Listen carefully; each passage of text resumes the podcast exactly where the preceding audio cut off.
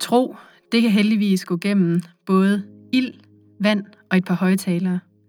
Og derfor har vi i St. Lukas Kirke lavet denne podcastprædiken, hvor du de kommende søndage vil få læst søndagens tekster højt, og til sidst få søndagens prædiken. I dag der er det mig, Mia Schmidt Mikkelsen, der står for søndagens podcastprædiken, og vi håber virkelig, at I vil lytte med.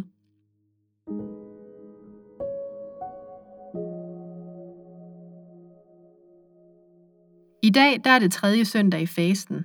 Der hører tre læsninger til dagen, og dem vil jeg læse op for dig nu. Den første læsning, den er fra 2. Mosebog.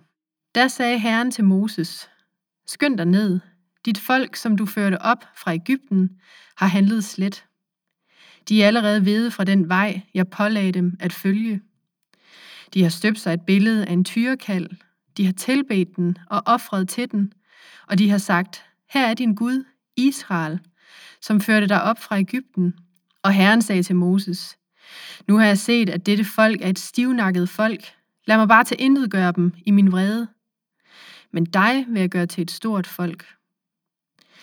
Dagen efter sagde Moses til folket, I har begået en stor synd. Nu vil jeg gå op til Herren. Måske kan jeg skaffe soning for jeres synd. Så vendte Moses tilbage til Herren og sagde, Ak, dette folk har begået en stor synd.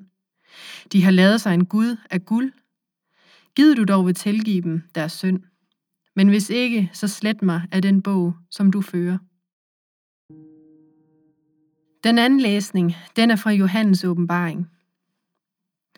Skriv til englen for menigheden i Efesos. Dette siger han, som holder de syv stjerner i sin højre hånd. Han som vandrer mellem de syv guldlysestager.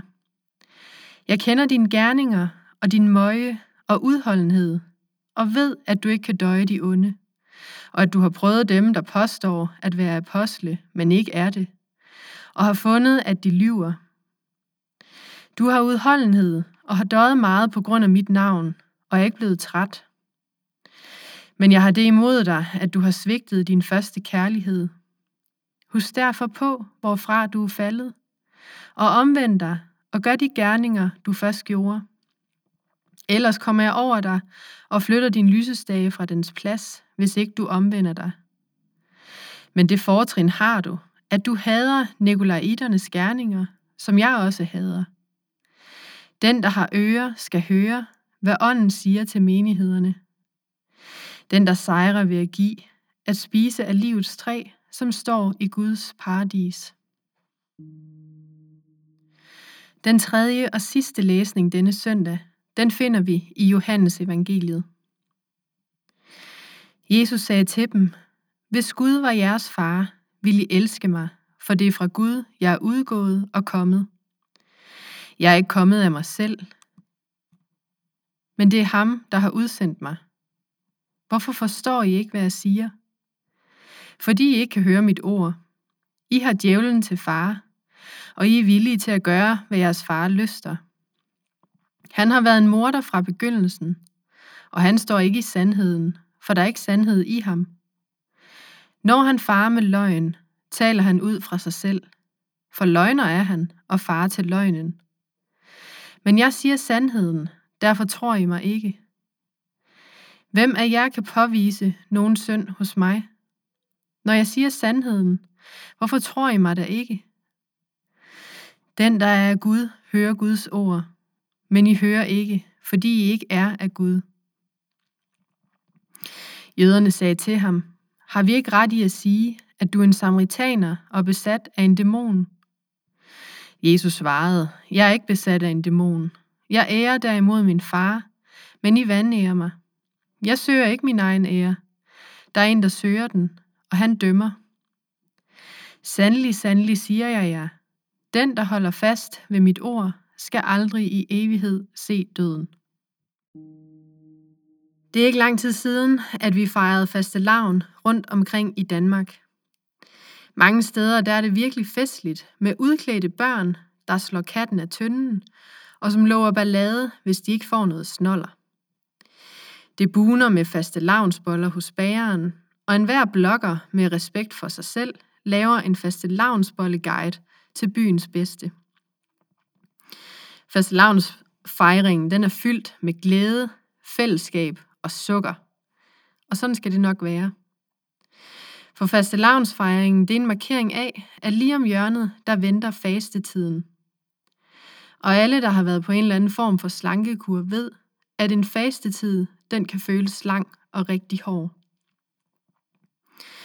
Måske man i starten er begejstret og har masser af energi og nyder livsstilsændringen.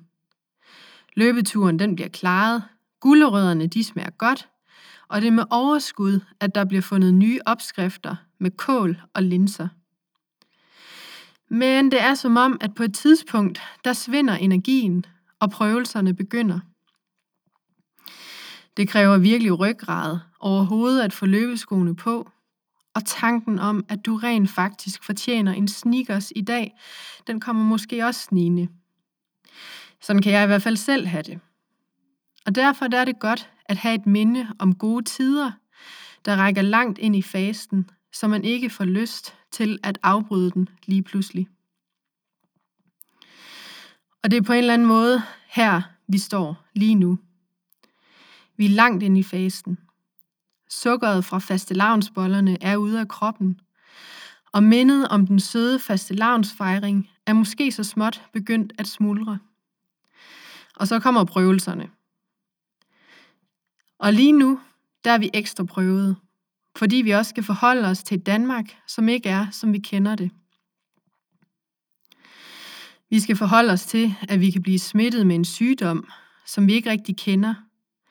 Og vi skal forholde os til, at sammenholdet og fællesskabet, som vi kender det, må ændre form. Sådan ændringer, det kan give anledning til store bekymringer, irrationelle handlinger og korte lunder. Nogle af os forsøger at håndtere angsten og køber stort ind af toiletpapir. Hos andre der får angsten et andet udtryk, hvor det kan virke mere som vrede over andres handlingsmønstre. Det er faktisk lidt som den første tekst, du lyttede til. Den med Moses på Sinai-bjerget.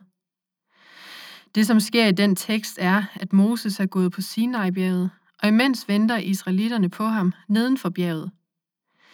Men de bliver trætte af at vente på Moses, og af ren og skær utålmodighed fremstiller de et gudebillede, guldkalven. Utålmodighed og frygten for det ukendte, det kan få os til at handle irrationelt. Og når troen den vakler, og frygten den flytter ind i sindet, så kan behovet for at handle være stort. Og så er det altså, at man kan komme til at begynde at tilbe en guldkald eller købe 34 pakker toiletpapir ind. Men vi skal ture og gøre det, som er allersværest i en tid, hvor fremtiden virker usikker, og håbet let bliver overmandet af frygten. Vi skal ture at være tålmodige, og ture at tro på det, som myndighederne anbefaler. Vi skal være overbærende med hinanden og fortælle hinanden, at det hele nok skal gå, i stedet for at skælde ud. Og så skal vi ture tro på, at fastetiden den ikke var evigt, og at vi skal holde faste lavnsfest igen med sukker, grin, kram og fællesskab. Amen. Lov og tak og evig ære være dig, hvor Gud, Far, Søn og Helligånd, du som var, er og bliver, en sand treenig Gud, højlået fra første begyndelse, nu og i al evighed. Amen.